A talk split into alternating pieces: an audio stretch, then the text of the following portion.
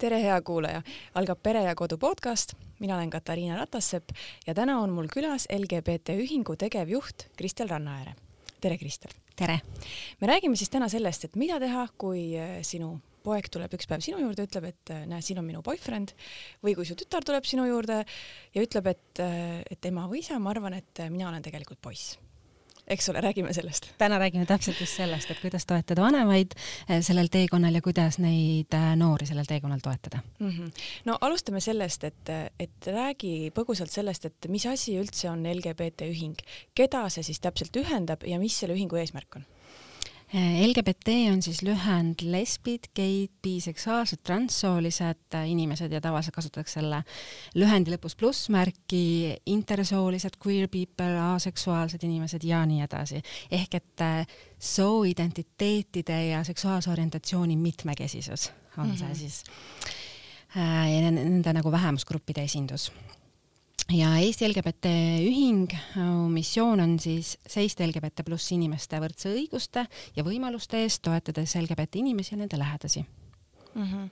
mida see siis tähendab, millega see ühing siis nagu igapäevaselt tegeleb?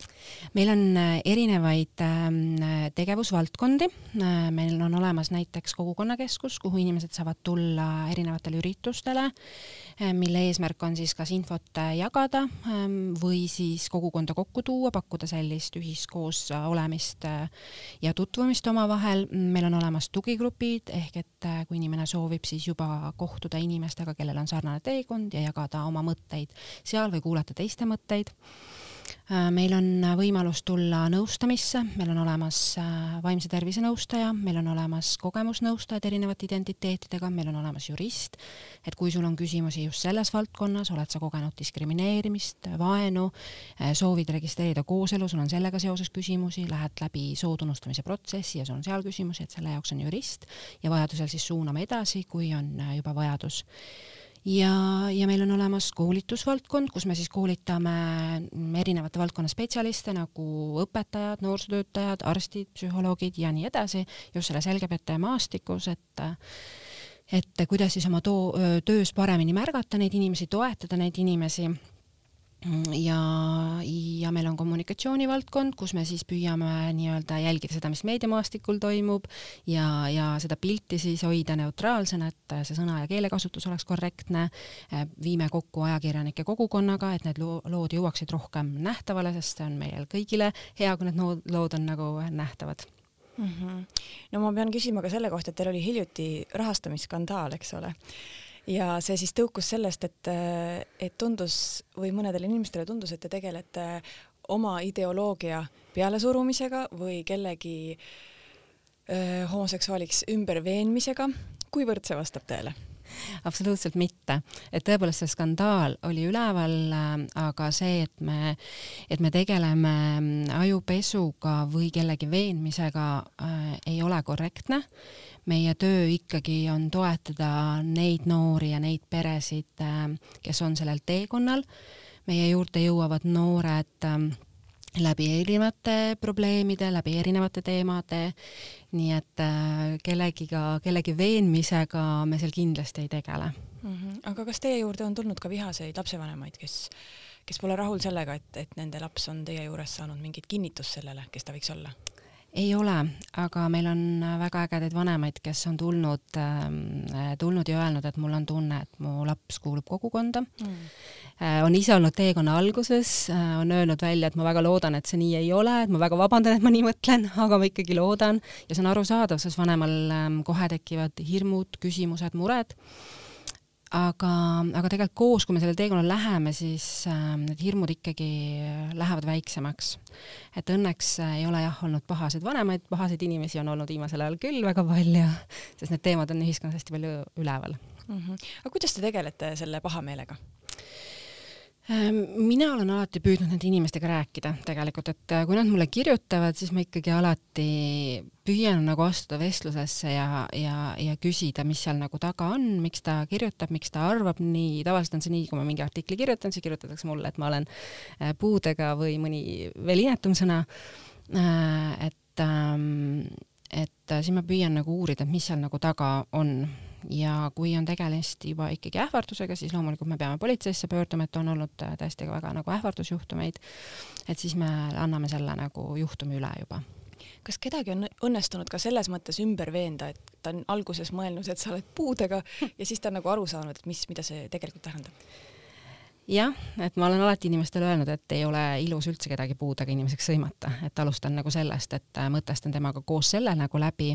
ma ei tea, kas inimesed on äh, muutnud oma meelt, aga ma arvan või loodan, et nad on aru saanud, et võõrale inimesele kirjutada selliselt ei ole üldse okei okay. mm. -hmm ja, ja, mm, ja võib-olla mõnega ma olen saanud rohkem tegelikult diskussiooni astuda, ma ei tea, kas ma olen ta muutnud, ei ole keegi mulle tagasi kirjutanud, et ta on oma, et ta on äh, muutnud oma arvamust või, või nüüd avatud, siis ma viin kõik, kogu selle vestluse alati selle peale, et et sa oled võõras inimene, kes kirjutab võõrale inimesele inetusi ja see juba ei ole okei okay. mm. -hmm. ärme laskugi sellest selgepete teemasse, juba see üksi ei ole okei okay.. ja see mulle tundub, et see mõistmine on ikka paljudega mul tekkinud mm. -hmm. no aga läheme nüüd nende mõistete juurde, mida sa põgusalt enne juba ka mainisid et seoses teie ühinguga siis seal on, kerkib üles väga palju mõisteid, mis ilmselt väga paljudele on arusaamatud. sissoolisus, cross-dresser, queer, soovoolavus, intersoolisus, transsoolisus, aseksuaalsus sa mainisid enne mm. -hmm. nii, selgita nüüd siis lühidalt põhilisi mõisteid äh, nii, hakkame siis tulema, kõigepealt me räägime sooidentiteetidest, äh, sissooline olen siis mina minul äh, sünnil määratud bioloogiline sugu naine, mina tunnen ennast naisena, väljendan ennast naisena. Äh, transsoolise puhul on siis, kui niimoodi hästi lihtsalt selgitada, siis samamoodi, et sünnil määratud bioloogiline sugu näiteks on, on mees, aga tegelikult inimene tunneb, on, on naine Äh, kui me räägime mittebinaarsusest, äh, osad loevad seda transsoolise katuse alla, osad mitte, aga mittebinaarsus siis vaatab sugu laiemalt kui binaarne, et ei ole ainult mees ja naine, et üks on ühes ääres, teine teises, vaid et see on nagu spekter, et see on hästi palju laiem. Ja, ja sooidentiteedi mõttes võibki olla, et inimene ütleb, et on mittebinaarne, aga seal võivad olla hoopis niimoodi, et ta on mittebinaarne ja ta soovib veel võib-olla täpsustada näiteks asooline või ongi selline soovoolavus, et see mm, sugu ei ole tal selline jäigastunud ühte või teise, vaid see on selline natukene nagu vabam määratlus endast. Intersoolisus on siis juba äh, see olukord, kui inimesel on, ähm, ta, tema keha ei ole nagu meditsiinilises mõttes atüüpiline mees või naine, et eh, kas siis eh, on see eh, genitaalides väljendub kuidagi, kas kromosoomides, hormoonides, et seal on erinevaid variatsioone, aga ta on juba päris meditsiiniline termin. Mitu protsenti? üks koma seitse umbes, sama palju kui on punapäid, rohelisi silmasid, nii et seda on väga palju siis? seda ikkagi on ja tegelikult siin on ka see huvitav fakt, et me ei pruugigi teada, et me oleme mm -hmm. intersoolised, et intersoolisus ei tähenda alati seda, et on mingi probleem äh, ja, ja see ei väljendu alati sünnil, onju, et sünni väljendub siis, kui ta on genitaalides märgata aga ta, kui ta on kromosoomides, siis me ei märka ja kui ta, ja ta ei pruugigi alati tekitada mingeid probleeme ja kui ta ei tekita, siis me ei pruugigi teada, et mm., et me kuulume sellesse kategooriasse mm. -hmm nii, lähme edasi. ja vaatame veel crossdresser. Äh, crossdresser eesti keeles ristiriietuja, äh, vanasti transseksuaal, mis, mida siis täna enam ei soovitata kasutada, et crossdresser ongi see õige sõna, et inimene, kes siis äh, kannab vastassoriiteid, siin ei ole tegemist mingi seksuaalse rahuldusega, mis on jälle valearvamus, vaid see on lihtsalt inimese enda väljendamise soov. et ma soovingi ennast väljendada selliselt, et näiteks meesterahvas soovib kanda kleite, seelikut, teha meiki ja siin ei ole küsimus ka selles, selles, et ta ei tea, mis soost ta on või ta on enda otsingul. et ähm, cross-dress imine on ikkagi cross-dress imine, et mm. -hmm nii, mis meil siin veel neid mõisteid oli? no mis on queer näiteks? Queer on äh, ka selline katustermin ja igaüks seda silti nagu täidab ka natuke erinevalt, et mõne jaoks see queer laieneb kõigele, tema sooidentiteedile ja seksuaalsele orientatsioon, äh, seksuaalsele orientatsioonile, aga mõne puhul on see siis seotud kas ainult sooga või ainult seksuaalse orientatsiooniga, ta on selline katus, kus inimene ei soovi siis võib-olla täpsemalt äh, seda täpsemat silti juurde panna, aga see on jälle igaühe jaoks erinev, mõne jaoks see tähendab väga midagi konkreetset. aga see on tegelikult ju inglise keeles negatiivse maiguga sõna, noh, veidrik põhimõtteliselt. jah, vanasti see tõesti nii oli, aga nüüd on hakanud kogukond selle ikkagi tagasi võtma ja see pigem on positiivne sõna, et kui inimene juba ise kasutab seda sõna, et siis on see sõna positiivne mm. -hmm. nii ähm soovoolavus, mis see on? ka kui inimesel on siis selline mm, oma soost äh, nagu selline natuke nagu et tema sugu ei ole niivõrd paigas, et mees-naine ja see võib olla kas selles spektrumis mängimine, et mees-naine, et ma tunnen ennast või väljendan ennast maskuliinsemalt, feminiinsemalt või minu enda identiteeditaju lausa on natukene voolama, aga see võib ka minna väljapoole mees-nais. et äh, see võib olla seal asooline naine ja igalühel nagu siis erinevalt, et kuidas see sugu seal voolab mm. -hmm. ja mis asi täpselt on aseksuaalsus? aseksuaalsus on katustermin, et see on seksuaalne orientatsioon, kus siis inimene ja see on ka jälle, kuna ta on katustermin, siis seal on neid alatermineid hästi palju, et kuidas igaüks tajub, et siin on põhiline aru saada, et tegemist ei ole tsölibaadiga, et see ei ole, et inimene teadlikult ei soovi ähm, füüsilisi suhteid, vaid äh, see ei olegi talle mõeld-, noh, see kuidagi, see on tema nagu identiteedi osa, et ta ei, ei, ei soovi minna füüsiliseks aga vahel jälle soovib. Ähm, need füüsilised minekuks on erinevad, et mõni ei soovi üldse mingit lähedust oma partneriga füüsilises mõttes, mingeid puudutusi, teisele sobivad suudlused, kallistused ähm, ja nii edasi ja see võib olla ka selles mõttes muutuv, et mõne partneriga soovin võib-olla kaugemale minna, teisega vähem, nii et see on selline ise juba niivõrd suur mõiste, et näiteks, et kui sinu laps tuleb välja, ta ütleb sulle, et ta on aseksuaalne ja kui ta soovib, siis tegelikult äh, võib ta käest küsida, et äkki ta selgitaks sul, sulle, et mida see nagu mõiste tähendaks, et mida rohkem sa tead oma lapsest, seda lihtsam on sul seda teda toetada. et meil ei tekiks see, et kui inimene ütleb, et oh, et ma olen bi või ma olen aseksuaalne, et siis ma, oh, ma tean jaa, mis see tähendab, ei, me ei mhm. pruugi teada. Need sildid äh, on igalühel ikkagi enda täita, kuidas tema seda ikkagi mõtestab, et ükskõik, mis seal see teooria taga on mm. -hmm. tahtsin selle aseksuaalsuse kohta küsida, et, ähm, et tihti võib selle taga ju ka olla, et inimene ei soovi füüsilisi suhteid, mingi trauma jah, et sellisel juhul ta, äh, me võiksime vaadata seda nii, et see ei ole seksuaalne orientatsioon juba, et see ei ole enam vaata inimese vaba nagu selline, see ei ole tema nagu osa temast mm, -hmm. et see on pigem mingi kogemuse tagajärjel tulnud, aga kui see on ikkagi tema seksuaalne orientatsioon, et ta on sellega nagu sündinud, et siis siia see trauma ei puutu mm. -hmm. et siis see ongi tema orientatsioon, et tal seda füüsilist poolt äh, ei ole selliselt äh, võib-olla kui kellelgi teisel, aga see on ka hästi nagu erinev, sest seal on omakorda all näiteks, et äh, demiseksuaalsus, et ma arvan, et, et äh, et nii mõneski võib olla ka seda, et demiseksuaalne on siis inimene, kes läheb füüsiliseks oma partneriga siis, kui tal on tekkinud piisav romant- romantiline või selline hingeline lähedus mm. -hmm. no see kõlab väga normaalselt. on ju, on ju, et, et tegelikult see maailm on palju mitmekesisem, et ka iseendale otsa vaadates me võiksime tegelikult mõelda, et, et kui me paneme selle sildi näiteks, et me oleme heteroseksuaalne, siis tegelikult seal võib veel olla erinevaid silte, et seksuaal, seksuaalsus on väga palju lai, on ju, et millised mm -hmm. puudutused meil meeldivad, kuidas meile meeldivad, kuidas me armume inimestesse äh,, milliseid suhteid me tahame luua, et kas me tahame sinna suhtesse lapsi või me ei taha, et see kõik on tegelikult palju-palju laiem mm. -hmm. kas loomadel esineb ka seksuaalsust äh,? see on hea küsimus ma tahaks, mul puudub see teadmine, aga ma tahaks mõelda, et jah, et kui see on olemas, et siis võib-olla mm tõesti, sest homoseksuaalsust ju loomadel on esinenud äh, ja, või tähendab, on siiamaani onju, pingviinid mm on alati lemmiklood, millest rääkida mm, -hmm. kus äh, isapingviinid varastavad teiste pesast munasid või siis on loomaaedades näiteks, kui on hukkunud äh, muna, munavanemad on hukkunud, siis antakse see meespaaridele kasvatada mm. et, äh, et ma arvan, et see aseksuaalsus võiks, ma arvan, et neid on teemasid on ka vähe võib-olla uuritud mm. -hmm.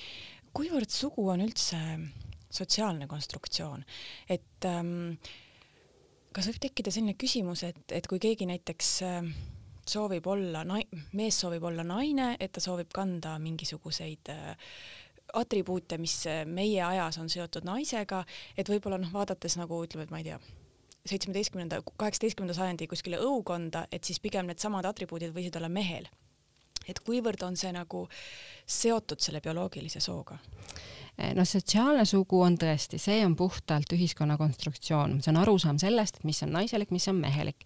et eh, see on ajas hästi muutuv, nagu sa neid tegelikult näiteid tõid, et kui me vaatame veel ajas tagasi, lähme sinna tuhat kaheksasada onju, alati meeldib mulle oma koolitusel näidata Roosevelti pilte onju, eh, Ameerika presidenti, kes on valges kleidis, kui ta on seal umbes viieaastane -hmm. lumivalges selline poolpikk kleit on seljas, ilus kübar peas ja mitte kellelgi ei teki küsimust, et kas poiss või tüdruk, sest see oli praktiline. kleidid olid seljas sellepärast, et oli hea viia laps potile ja valge sellepärast, et oli hea pleegitada, et sai kohe puhtaks teha, onju. ja, ja, ja roosa ja sinine värv on ju ka hästi vahetunud olnud, et see on tõesti ja kui me liigume ka näiteks äh, mitte ainult ajas, vaid me liigume ka kultuurita, onju, kui me läheme siia äh, Indiasse, onju, meeste riietus, pikad kleidid justkui meile tunduks, onju. või kui me läheme üles Šotimaale, et äh, pidupäevadel panevad mehed selga kleidi, et see tegelikult on tõesti ühiskonna selline loodud arusaam, mis on mehelik-naiselik äh,, aga transsoolisus on juba midagi muud, see on iseenda taju oma soost mm. -hmm, mm -hmm. Kui vanalt siis tekib see? Äh, iseenda taju oma soost?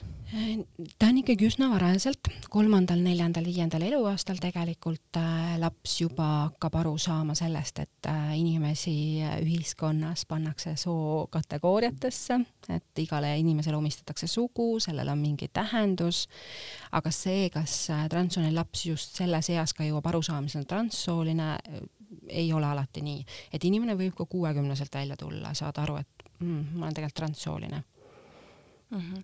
aga kuivõrd võib seal taga olla hoopis seda, et ähm, noh, mingisugune sotsiaalne mure, et ta näiteks, ta on tõrjutud ja talle tundub, et kui ta oleks vastassoost, et siis see lahendaks kõik tema probleemid kindlasti on ka neid juhtumeid, et sellisel juhul ei ole tegemist transsoolisusega, et siin ongi hästi oluline eristada neid kahte asja, et kas tegemist on transsoolisusega või seal on mingid muud küsimused ja mured taga. et, et kui, kui sul on laps kodus, kes ütleb, et ta noh, et sa oled arvanud, et ta on poiss ja ta ütleb, et ta on tüdruk, et siis tegelikult me ei peaks seadma küsimuse alla tema, tema mõtet oma soo kohta, see ei ole kindlasti eesmärk. küll aga nendest teemadest rääkida, et küsida, mis see tema jaoks tähendab, kui ta oleks tüdruk, et mis siis oleks teisiti ja rääkida ja uurida ja lasta tal rahulikult minna, et lastega ei tee ju keegi mitte midagi, me ei hakka ju mingit meditsiinilist sekkumist tegema, et pigem on küsimus koos kasvamine, liikumine väikeste sammudega, vajadusel spetsialistide poole pöördumine, nendega nõu nõupidamine. aga näiteks on tehtud uuring ähm, transsooliste ja sissooliste laste kohta, kuidas nad tajuvad enda sugu ja see on võrdväärselt tugev mm.. et nii, kuidas sisslaps tajub, et ta on poiss või tüdruk, nii transsooline tajub ka sama tugevalt oma sugu mm, -hmm. oma sugu mm. -hmm. aga lastel on ka kindlasti mingeid etappe, kus see võib nagu natuke voolata, eks ole. ja lapsed mängivad, et see on normaalne osa, eh, tema kasvamise osa, et ta mängib äh, sooga ja tema võib-olla ei teadvusta ka nii väga, et ta mängib sooga. tema jaoks ongi see vabam, onju, kui me läheme ise lapsepõlve, onju, et meil ei olnud nii äh, rangelt olid jah, me teadsime, et kes on poisid, kes on tüdrukud, onju, aga seal mängudel ei olnud tegelikult nii palju piire, meil äh, iseenda väljendamisega ei olnud selliseid mõtteid, et ma nüüd äkki olen poiss, kui ma teen nii. et selliseid mõtteid ju ei olnud ja laps mängib, et see on normaalne osa sellest mm. -hmm. aga sa ütlesid, et äh, lastele mingeid meditsiinilisi sekkumisi ei tehta. millal siis on aeg äh, kuidagi meditsiiniliselt seda asja muuta? Eestis on võimalik siis, kui sa oled kaheksateist pluss, äh, välismaal on puberteediblokkerid. praegu, mm, praegune teadus ütleb, et kui tegemist on transsoolise noorega, siis puberteediblokker on hea lahendus, ta lihtsalt peatab selle bioloogilise arengu. Ähm, ja miks see on hea, seal on nagu mitu põhjust, esiteks see on, et ähm, äh, et murdeiga on see aeg, mis transsoolisele inimesele on kõige raskem. tema keha hakkab arenema, tal tekivad muutused, mis võib-olla ei sobitu talle, see ei ole alati nii, et transsooline inimene ei tähenda alati seda, et ta ei ole oma kehaga rahul, aga seal võib olla ja me näeme, et ähm, teadusuuringud tõestavad ka seda, et äh, see enesetappude ja depressiooni risk äh, mitmekordistub äh, teismeeas, nii et puberteediblokker aitab selle nagu maha võtta. Ja, ja kui inimene saab kaheksateist, siis saab ise otsustada, kas ta läheb edasi nüüd päris hormoonravile või ta lihtsalt peatab puberteediblokkerit võtmise ja areng tuleb ilusasti järgi ja kui sa oled kaheksateist, jah, siis sa hakkad nii-öelda seda äh, suguhormooni saama juurde siis vastavalt oma raviplaanile mm. -hmm. räägime siis ka seksuaalsest orientatsioonist, mis vanuses see nagu lapsel siis ilmneb? murdeeas on see, kus me hakkame ennast otsima, et igalühel on seal erinev, kuna see variatsioon on ikkagi suur, et äh, kellel seal neliteist ja veel varem ja kellel kuusteist ja veel peale, et äh, kus inimene hakkab siis äh, tundma romantilisi tundeid, kus keha hakkab võib-olla märku andma, et tekivad teistsugused tunded sisse, kui me kedagi vaatame. et ja see ka jälle ei tähenda seda, et kui see murdeeas äh, hakkab arenema et ma ei avastaks ennast viiekümne aastaselt äh, või neljakümne aastaselt ikka, ikka on inimesi, kes äh, saavad iseendast äh, rohkem, oh, rohkem selgust iseendast, kui nad on neljakümnendates näiteks, et mingid asjad lihtsalt jooksevad paika ja sa saad aru, et sa ei olegi võib-olla heteroseksuaalne. Mm ma küsisin ühe oma homoseksuaalist sõbra käest, et ähm, kui vanalt tema aru sai ja ta ütles, et ta on tegelikult alati teadnud, et sellist nagu momenti tal ei olnud. Mm, jah, äh, on tehtud uuringuid tõesti, mm, et näiteks ma kohe toon paralleeli transinimestega, et näiteks transsoolisi inimesi on uuritud ja väga paljud tegelikult on ikkagi või enamus on ikkagi öelnud, et nad mäletavad lapsepõlve lausa välja mingit seda, aga selle ja nii ja seksuaalse orientatsiooni ja soolise identiteedi mõlemaga on see, et küsimus selles, kas ma jõuan arusaamisele, mis see on noh, et ma saan võib-olla aru, et okei okay,, et, et ma näen, et ma ei tea, et mul on siin, ma olen siin sõprade kamp, poiste kamp on ju, kõigil meeldivad hullud tüdrukud, aga mul sellist nagu hullu klikki ei teki, aga ma ei pruugi seda kohe nagu mm. märgata, sellele nagu tähendust anda või osada sellele isegi näppu peale panna. mõtlen, et oh, võib-olla mul ei teki nii sügavaid tundeid, on ju, või noh, ja võib-olla ta ei hakkagi analüüsima nii palju, et pigem äh, ongi see, et, et äh, tavaliselt see arusaamine tekib siis, kui sul tekib see teadmine, et mm -hmm. aa, on olemas homoseksuaalsed inimesed hmm,. võib-olla see käib minu kohta või transsooliste puhul samamoodi tegelikult, et kui me vaatame neid vanema generatsiooni transsoolise lugusid, et kes täna siis on seal viiekümnendates, kuuekümnendates, kuidas nemad omal ajal tegelikult jõudsid selle teadmiseni, oligi see, et see suvaline artikkel või raamat või mingi väike lugu kuskilt, kus tuli see sõna välja, siis nad saavad aru, issand, see, see kõlab nagu, nagu minu mõtted või issand, ma olen täpselt samamoodi tundnud. ja sealt hakkab see iseenda noh, tõeline avastamine pihta mm. -hmm.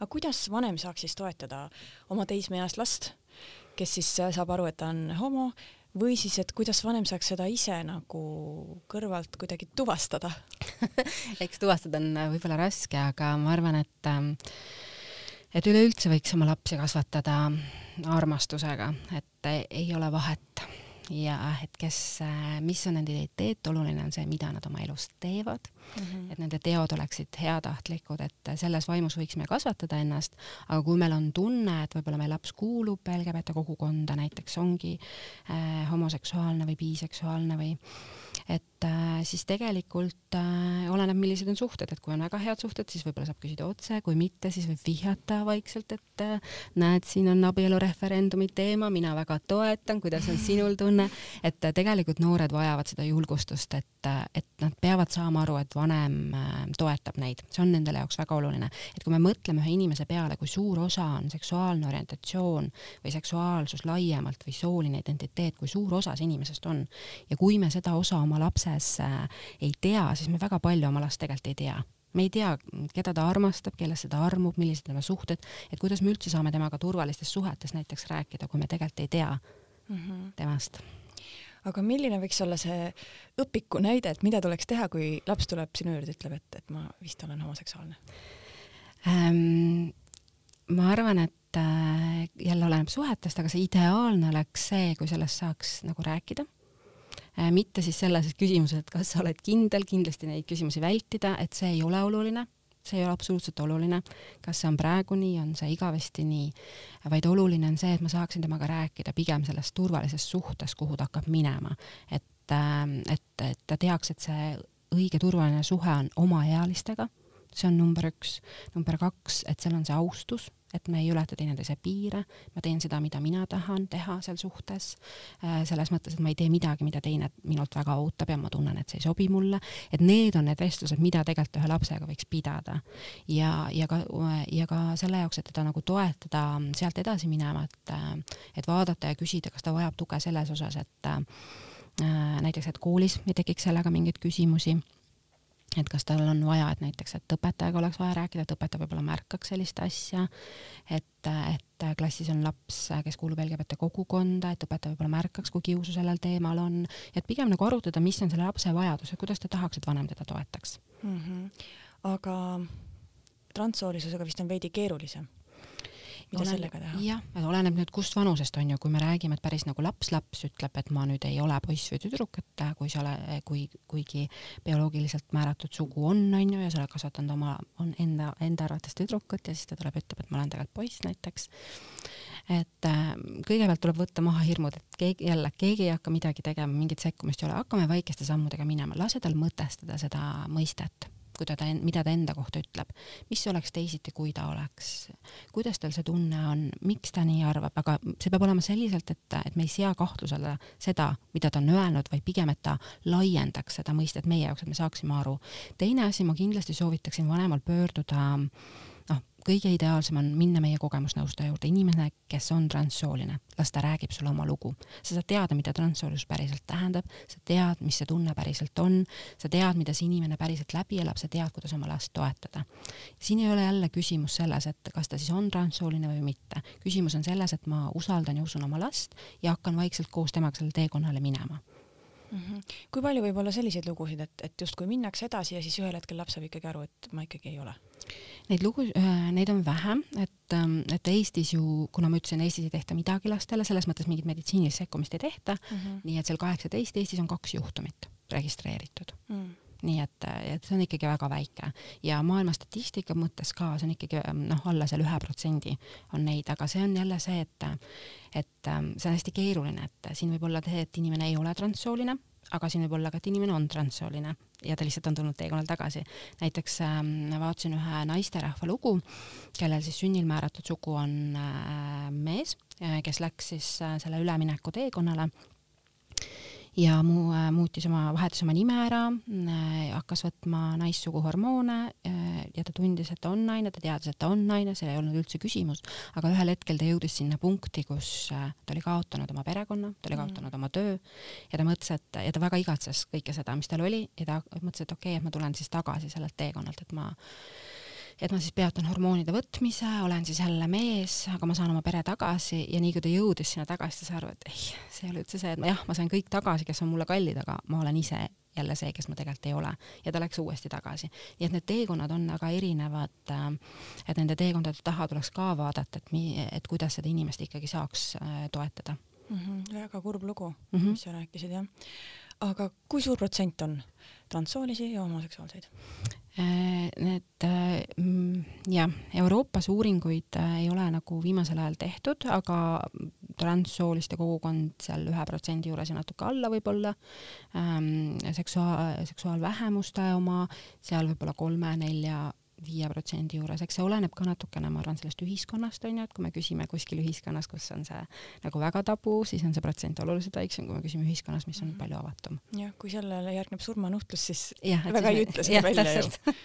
jah, aga öeldakse, et viimastel aastatel on tõusnud mm -hmm. transsooliste või noh, laste arv, kes siis arvavad, et nad on transsoolised. mis sa arvad, mis selle taga on?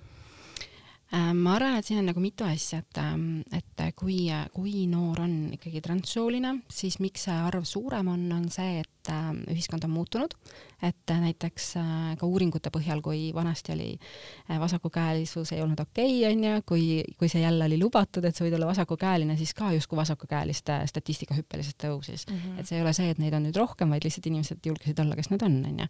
et ma arvan, et üks asi on see, et inimesed julgevad olla, inimesed leiavad rohkem infot ülesse äh,. nagu ma ütlesin, praegused noored äh, saavad infole ligi, et näiteks tõesti viiekümne, kuuekümne aastased transsoolised, kes on ennast avastanud, on ju jõudnud infoni oluliselt aeglasemini, ei ole internetti olnud, kust otsida et kindlasti see, aga kui me nüüd räägime noorest, kes ikkagi ei ole transsooline, et ma arvan, et see on see koht võib-olla nagu selline ühiskonna mõttes laiemalt küsida endalt, et miks need mehe ja naise kastid nii väiksed on, et need noored nendesse kastidesse kuidagi nagu ei mahutu ja ei suhestu nendega mm. -hmm noh, naise kast on vist eriti, noh, mehe kast ka kindlasti, aga, aga mina oskan naise perspektiivist näha, et mm, -hmm. et see kast on päris kitsas, jah? jah, see kast ikkagi on kitsas ja kui me vaatame viimaste aastate arutelusid tegelikult ühiskonnas äh, ja meedias, äh, kuidas on siin väljaütlemisi tulnud, on ju, kahekümne seitsme aastane naisne, kellel ei ole lapsi, ta on nagu mõttetu mm. -hmm. et äh, noh, loomulikult see kast on nagu väike, et me palgalõhe mõttes oleme esirinnas, on ju, et neid asju on küll tegelikult, millele otsa vaadata ja küsida endalt, et miks see kast nii väike on ja miks üha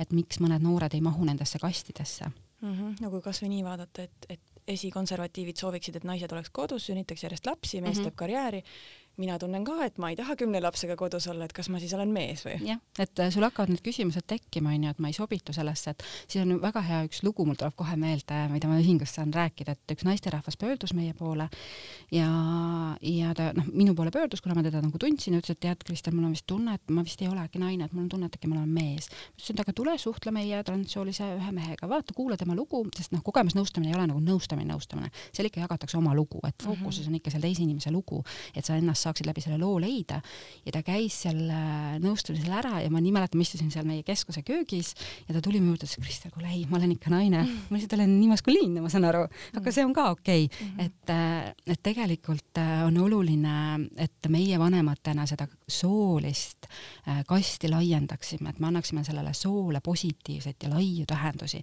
ja ka keha mõttes tegelikult on see hästi oluline, et vahet ei ole, kas meil kasvab kodus transsooline laps või sissooline laps või intersooline laps. meie eesmärk on kasvatada lapsi, kes armastavad oma kehat, eh, kui nad isegi ka soovivad muutuseid seal tulevikus teha, me võib-olla kõik natukene mängime oma, oma välimusega, onju.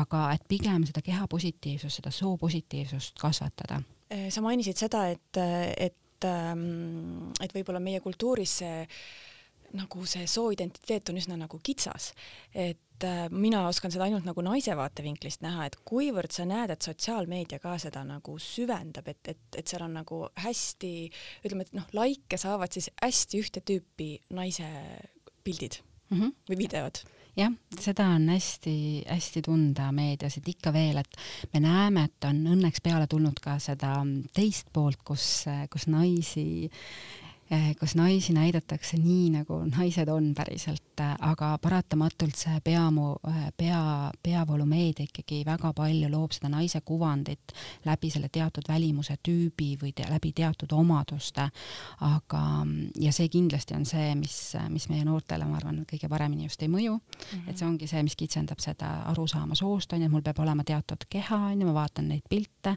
et need saavad rohkem likee, sellised on need suunamudijad, on ju, et kui palju meil on suunamudijad näiteks, kes keha, keha positiivsust äh, edasi kannavad, et välismaal me leiame hästi palju äh, keha mõttes variatiivsust naiste hulgas, kes on siis näiteks suunamudijad, aga Eestis seda on oluliselt vähem, on ju, või kui palju me räägime mm, erinevatest peredest või erinevatest emadest, on ju, et äh, ikka me räägime sellest, et ähm, aastaemad peavad olema teatud laste arvuga või, või teatud suhetes, on ju, me ei räägi sellest, et aastaema võiks olla keegi, kes on abielus või kooselus naisega, on ju, või et see aastaema võib olla näiteks äh, islami taustaga mm. naine. või ka üksikema. või ka üksikema, on ju. kes on veel eriti ja, vägev ju. just, on ju, et tegelikult me üldse ei, üldse ei mõtle sellele, kui kasulik on see mitmekesisus, et ettevõtete perspektiivist on mitmekesisust uuritud ja, ja majanduse mõttes on ka uuritud, et mida sallivam, salliv mulle ei meeldi see sõna väga, mida, mida rohkem ühiskond saab aru selle maailma mitmekesisusest ja lubab selle maailma mitmekesisusel seal olla, kus ta päriselt on,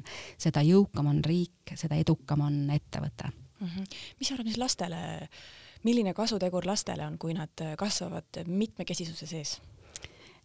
Kindlasti number üks, nad kasvavad õnnelikeks täiskasvanuteks, sest kui nad, noh, võtamegi näiteks ühe tüdruku, kui ta kasvab keskkonnas, kus öeldakse, et äh, number üks on see, et kehad ongi erinevad, et see on okei okay,, iga keha on ilus see on armastus enda keha vastu. et naisena sul ei ole piiranguid, sa võid olla, teha ükskõik mis tööd, saada selle eest väärilist tasu, kui ma kasvatan sellises võtmes, siis mu, siis mu tütar kasvabki sellises võtmes, et ta julgeb neid samme teha, ta julgeb olla, iseennast väärtustada ja neid mm -hmm. asju ka küsida, töövestlusel küsida palka, mida ta päriselt on väärt, mida saavad võib-olla samad kolleegid, aga meessoost. et ma arvan, et sellised asjad kasvatavad ainult õnnelikke inimesi ja laiemas perspektiivis õnnelikuma ühiskonda mm. -hmm. ma ei tea, kas sa oled sellist sotsiaalmeedia platvormi näinud nagu TikTok yeah.? mul ei ole endal seda kontot, aga, aga minu meelest on see, vot see on üks nagu, kui me rääkisime enne natuke sellest sotsiaalmeediast, minu arust on see kõige õudsem näide, mul ei ole õnneks tütreid, samas ma ei tea, kuidas see poistele mõjub aga vot tütarde puhul mul on tunne, et ma paneks sellise ploki, et seda üldse ei tohiks vaadata, sest et kui ma vaatan neid naisi, kes seal on, siis seal käib nagu võistlus, et kes suudab olla kõige sarnasem teistega või kes suudab nagu täpselt mingisugusesse ka nende liigutuste, tantsuliigutustega, mis nad seal teevad, sinna sobituda, et mul on tunne, et vot see, mis me just enne rääkisime, et et see, see platvorm on vist nagu eriti süvendab seda ja mul, mul on ka hirm selle sotsiaalmeedias, mina kasvatan kodus äh, koos oma naisega väikest tütart ja me kogu aeg mõtleme seda, et issand, sotsiaalmeedia, me ei, me ei tahaks teda üldse nagu sinna lasta, et ma loodan, et selleks, meil on nagu väike tütar, kolmeaastane, et ma loodan, et kui tema jõuab sellesse ikka, kus ta hakkab seda sotsiaalmeediat tarbima, et meil on tekkinud neid, äh, neid inimesi sinna sotsiaalmeediasse, kes kuvavad seda positiivsust, äh, naiseks olemise äh, Äh, juures nagu oluliselt rohkem mm, -hmm. kui, kui see praegu on, aga see on jah, meie, meie kõige suurem hirm mm. -hmm. kuidas homoseksuaalsus üldse välja kujuneb, et, et väga palju usutakse seda, et kui homopaaril või lesbipaaril kasvavad kodus lapsed, siis neist kindlasti kasvavad ka homod jah tõesti, see müüt, see stereotüüp levib. Ähm, teadus praegu seda siiski ei kinnita. mida teadus kinnitab, on, et samast soost vanematega peredes lapsed võivad äh, rohkem ennast otsida, nagu vabamalt ennast otsida sooidentiteedi või soo, äh, vabandust, mitte sooidentiteedi, vaid seksuaalse orientatsiooni mõttes aga ikkagi see protsent jääb väiksemaks, et LGBT kogukond on ikkagi vähemusgrupp, nii see jääb, et, et see tõenäosus, et samast soost vanematega peres kasvab äh, näiteks homo või biseksuaalne laps, on ikkagi väike tõenäosus mm. -hmm. aga see, et ühiskond kuidagi survestab, no homoideoloogia tuleb Euroopast peale ja, ja siis selle tagajärjel ei, see ei ole nii lihtne, et kui me mõtleme kas või iseenda seksuaalse orientatsiooni või soo peale, et äh, kui palju ähm, mind on tegelikult äh, noh, välikeskkond saab nagu mõjutada, et äh, mis on see mehhanism või mis on see boonus, mille nimel oled sina nõus oma ütlema, et sa ei ole enam naine või mees, et sa oled hoopis teisest soost või mis on see boonus, et sa oled valmis, näiteks sa oled meesterahvas, sa oled heteroseksuaalne, oled valmis minema mehega voodi, et mis on see boonus, et noorte puhul samamoodi jah, me tahame uskuda, et, et noored on kuidagi hapramad, aga see ei ole nii, nende taju iseendast on tugev, uuringud on seda kinnitanud no aga mida öelda inimesele, kes äh, räägib ikka sellest homoideoloogia pealetungist ja, ja, ja usub, et homoseksuaalsus on kuidagi kultuuri poolt nagu peale surutud, kas on olemas mingeid teadusuuringuid, millele saaks viidata, et tõestada, et, et, et homoseksuaalsus ei ole kultuuriline eripära?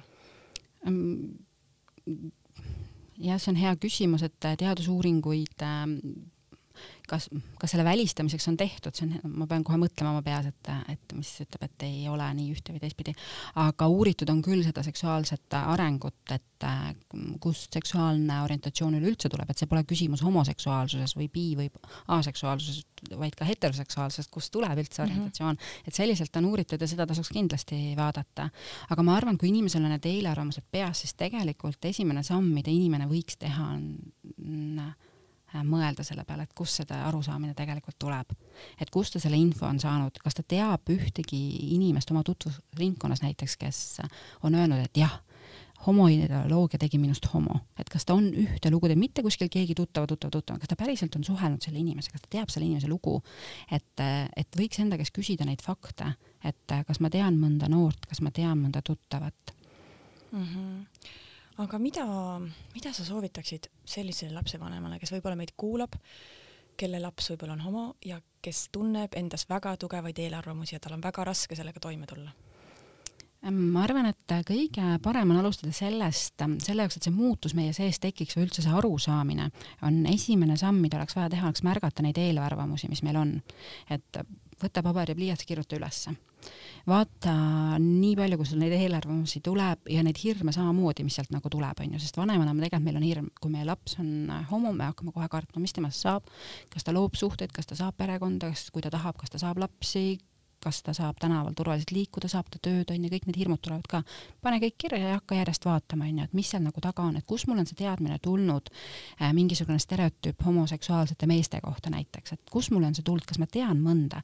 teine asi, mida ma alati väga soovitan, on loomulikult meie kogemusnõustajad jälle tule suhtle mõne täisealise, meil on seal äh, kaks vahvat noormeest, ähm, noormeest, nad on juba mehed, et äh, kellega võiks tegelikult äh, suhelda ja nende lugu kuulata ja nendega neid küsimusi arutada, need inimesed on väga lahkelt nõus oma lugu jagama.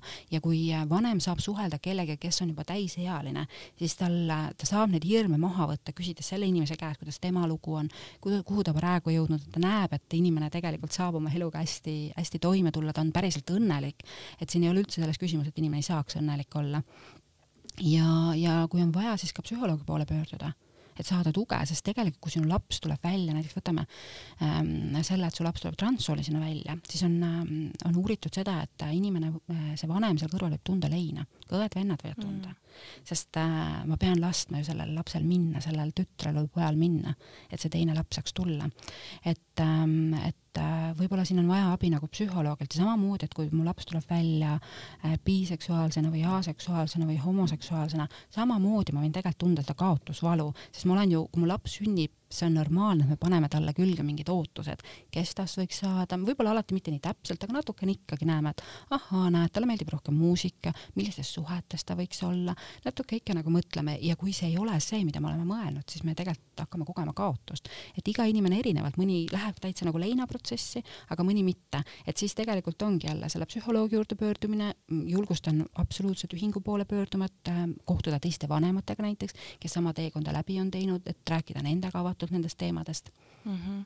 no ma toon kohe siin hoopis teisest, teise näite, et mul on kaks last, vanem neist on poiss ja kui ma teist last ootasin, siis äh, mitu korda öeldi mulle ultrahelis, et on tüdruk ja ma olin täiesti noh, valmis selle, mul kõik roosad asjad, kõik oli ostetud, tüdruku asjad ja siis, kui ta sündis, noh, siis tal oli väike nokku onju. ja ma mäletan, et see esimene nädal oli nagu selline kummaline tunne, et ma tundsin leina, et ma olin ühest küljest, mul oli rõõm, et ma sain selle poja, keda ma üldse ei osanud oodata, aga ma tundsin leina, et kuhu mu tütar jäi, et mul pidi ju tütar sündima et ma saan väga hästi aru, et see on noh, mhm. samasugune mm -hmm. protsess, et sa tegelikult ootad midagi Just. ja siis sa leinad seda, et mida sa enda arvates juba olid saamas. ja see lein on selles mõttes hästi kummaline, et, ähm, et see inimene on seal et sa elad nagu läbi, et ta on selline hästi nagu paradoksaalne kuidagi, et et ühest küljest ta on ja teisest küljest ta justkui temast midagi on nagu läinud. et väga paljud vanemad, kes kasvatavad transsoolisi lapsi, noh, Eestis neid on, ähm, teame vähem välismaa lugude pealt, on tõesti kirjeldanudki seda, et nad teevadki läbi neid leinaprotsesse, nad teevadki oma mõtetes, võtavad oma aja, lasevad sellel ühel sool minna, et see teine sugu siis selle lapse juurde saaks minna, aga et ongi raske seda leina läbi elades, samal ajal sa pead selle lapsega ju toimetama igapäevaselt mm. -hmm. no see ongi seesama, et sa küll leinad seda mm -hmm. tütart, aga sa said nüüd endale poja. just, täpselt. Ja. siis tekib ka siin see nagu see murekoht, et noh, et endalt jälle küsida onju, et kas ma noh, et see ei ole okei okay, onju, et ma niimoodi leinan nüüd, et mul on tegelikult ju laps, et ma mm, -hmm. Kõik on ju hästi, aga tegelikult sa võid leinata, et siin vanem peab endale ütlema, et see on okei. Okay.. sa võid vihastada, sa võid kurvastada, sa võid nutta, sa võid kõike tunda, et see on okei okay,, see on sinul ka teekond. et sa ei peaks kindlasti selles teekonnas iseennast ära unustama, et see on see, mida ma alati vanematele ka ütlen, et palun jälgi ennast ka sellel teekonnal, et luba endal neid mõtteid, emotsioone ja kui on vaja, siis küsi kellelgi abi mm. -hmm. ma tahtsin seda veel öelda ka, et sa ütlesid, et nende eelarvamustega oleks hea need siis nagu välja kirjutada ja mõelda, et kust need on tulnud. tegelikult on see minu arust väga hea soovitus nagu igasuguste eelarvamustega, sest et meil kipub tekkima näiteks teisest kultuurist pärit inimese kohta mingeid eelarvamusi, et tegelikult on väga hea ju niimoodi välja kirjutada, et, et miks ma nii mõtlen, kust see tuleb jah, sest ähm, need eelarvamused kipuvad meie külge jääma, selles mõttes, et ähm, hästi oluline on teada see, et eelarvamus iseenesest ei ole halb, kui see meie sisse tekib, küsimus on see, mis me sellega teeme, et sellest tulevalt hakkame me käituma. Mm, -hmm. et äh, ma ei palka väikelapsega üksikema, sest noh, tõenäoliselt hakkab palju puuduma, onju, see on minu see hirm, onju, et ta ei mhm. hakka tööd nii palju tegema. Või ma ei võta teisest kultuuriruumist inimest, onju, sest mul on mingid eelarvamused. et, äh, et äh, me peame lihtsalt saama aru, et mis need eelarvamused on ja, ja kui me seda juba märkame, siis me teame ka neid, me ei, me ei käitu vastavalt. Ja see puudutab tõesti kõiki, kõiki erinevaid gruppe sest sellest ju tulebki, nendest eelarvamustest tulebki ju see, kuhu me jõuame, diskrimineerimine, vihkamine, vaen, vägivald. et need on järgmised sammud, mis sealt tegelikult edasi võivad tulla, mitte igaühel, on ju. et ma võingi teha lihtsalt see, et ma ei palka mingeid inimesi endale töö juurde, on ju, aga järgmine inimene oma eelarvust tulenevalt läheb ja läheb ukse taha. noh, nii nagu meil ühingus on tuldud, on ju, lõhutud meie vara või tungitud meie ruumidesse. et noh, see ei ole mitte mingis mõttes okei okay., et tegelikult me peaksime need sildid ära korjama ja me peaksime lihtsalt ütlema, et meil on grupp inimesi, kes tuleb teisi inimesi peksma. lihtsalt mm -hmm. noh, et see ei ole okei okay. mm. -hmm mida sa ütleksid äh, sellistele konservatiivsete maailmavaadetega inimestele, kes ütlevad, et see on väga levinud äh, arvamus, kes ütlevad, et, ähm, et mul ei ole homode vastu midagi, las nad olla, kui nad rahulikud kuskil on, aga vot mind häirib see, et nad tulevad kelkima oma orientatsiooniga, et nad korraldavad paraade, et nad tulevad teiste ette eputama mm. -hmm. see on jälle see, et äh, küsi enda käest, miks nad tulevad.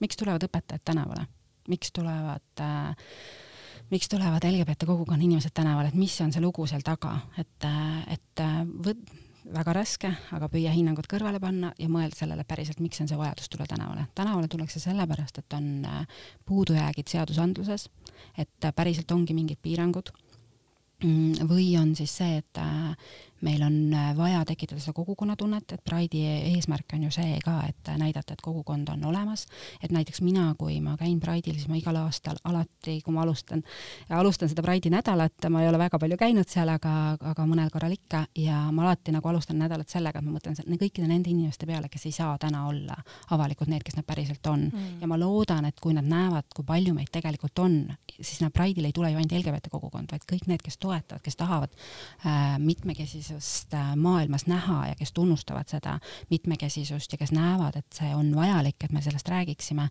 siis ma jah, mõtlen nende inimeste peale ja loodan, et see annab neile natuke lootust ja, ja ma mäletan, kui ma ükskord sain ka selle kirja ühelt inimeselt, kes ütles, et issand, neid inimesi on nii palju, et mul on kuidagi palju julgem olla, et ma näen, et ma arvasin, et neid on nii vähe ja kõik inimesed on selle vastu, aga tegelikult see andis mulle selle nagu julguse, et meid on palju rohkem mm. -hmm. ma arvan, et täpselt sama asja kardavad ka konservatiivsed lapsevanemad, et et kui mu laps seda näeb, siis järsku ta tuleb ka kapist välja mm. -hmm.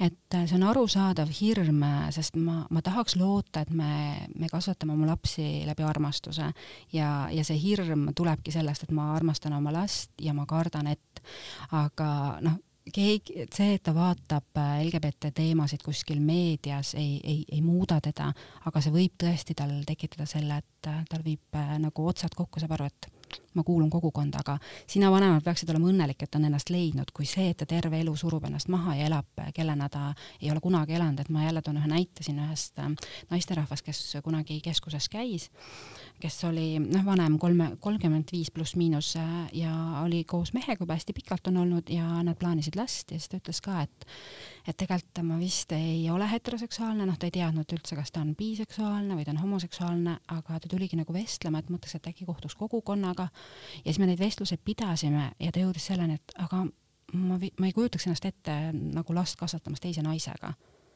ja sellega see lõppeski, et inimene saab aru, et ta ei ole heteroseksuaalne, aga tal on kõik need muud hirmud ja ta terve elu elab kellegina, kes ta ei ole tegelikult. et see on hästi kurb. ja me ei mhm. taha ju keegi oma lapsele seda, et ta elaks kellegina, kes ta päriselt ei ole, et ta kannaks koormat, et ta varjaks seda, kes ta päriselt on mm. -hmm. mis sa ütled ravi kohta? üks konservatiiv on ka öelnud, et, et kui tema laps ütleks, et ta on homo, ta armastaks teda edasi, aga ta viiks ta ravile.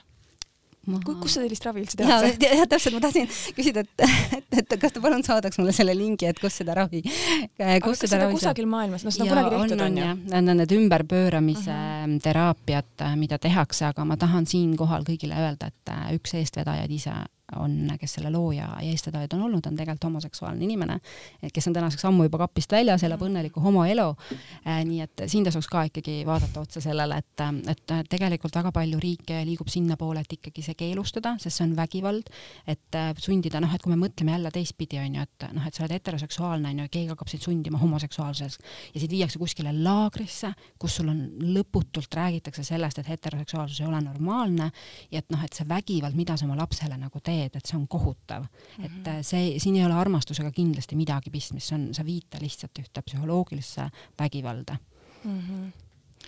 aga mida sa ütleksid nendele konservatiividele, kes tunnevad ennast ise ahistatuna või nad tunnevad, et nende õigusi piiratakse sellega, et nad, et neilt võetakse õigus öelda halvasti homoseksuaalide kohta või, või keelduda koostööst või, või teenuseid pakkuma, pakkumast homoseksuaalidele?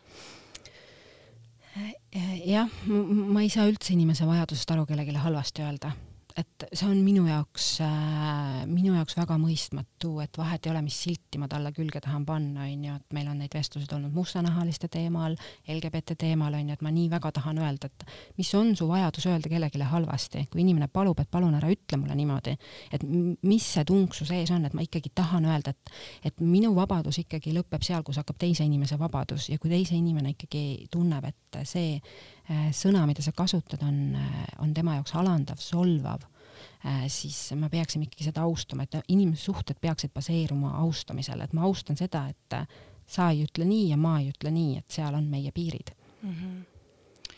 no see on väga ilus mõte, millega lõpetada aitäh sulle, Kristel, ma aitäh loodan, et, et, et me tegime ammendama ringi peale nendele teemadele. jah, ja kui on vanemaid, kes tahavad oma lapsi toetada, aga mitte LGBT kogukonda kuuluvaid lapsi tegelikult, sest uuringud näitavad seda, et kui me kasvatame oma lapsi selles vaimus, selle mitmekesisuse vaimus, siis tegelikult see mõjub nendele noortele ka hästi, et nad saavad iseennast otsida mm, -hmm kuulumata LGBT kogukonda, et neil ei tule väljaspoolt kuskil seinade ette.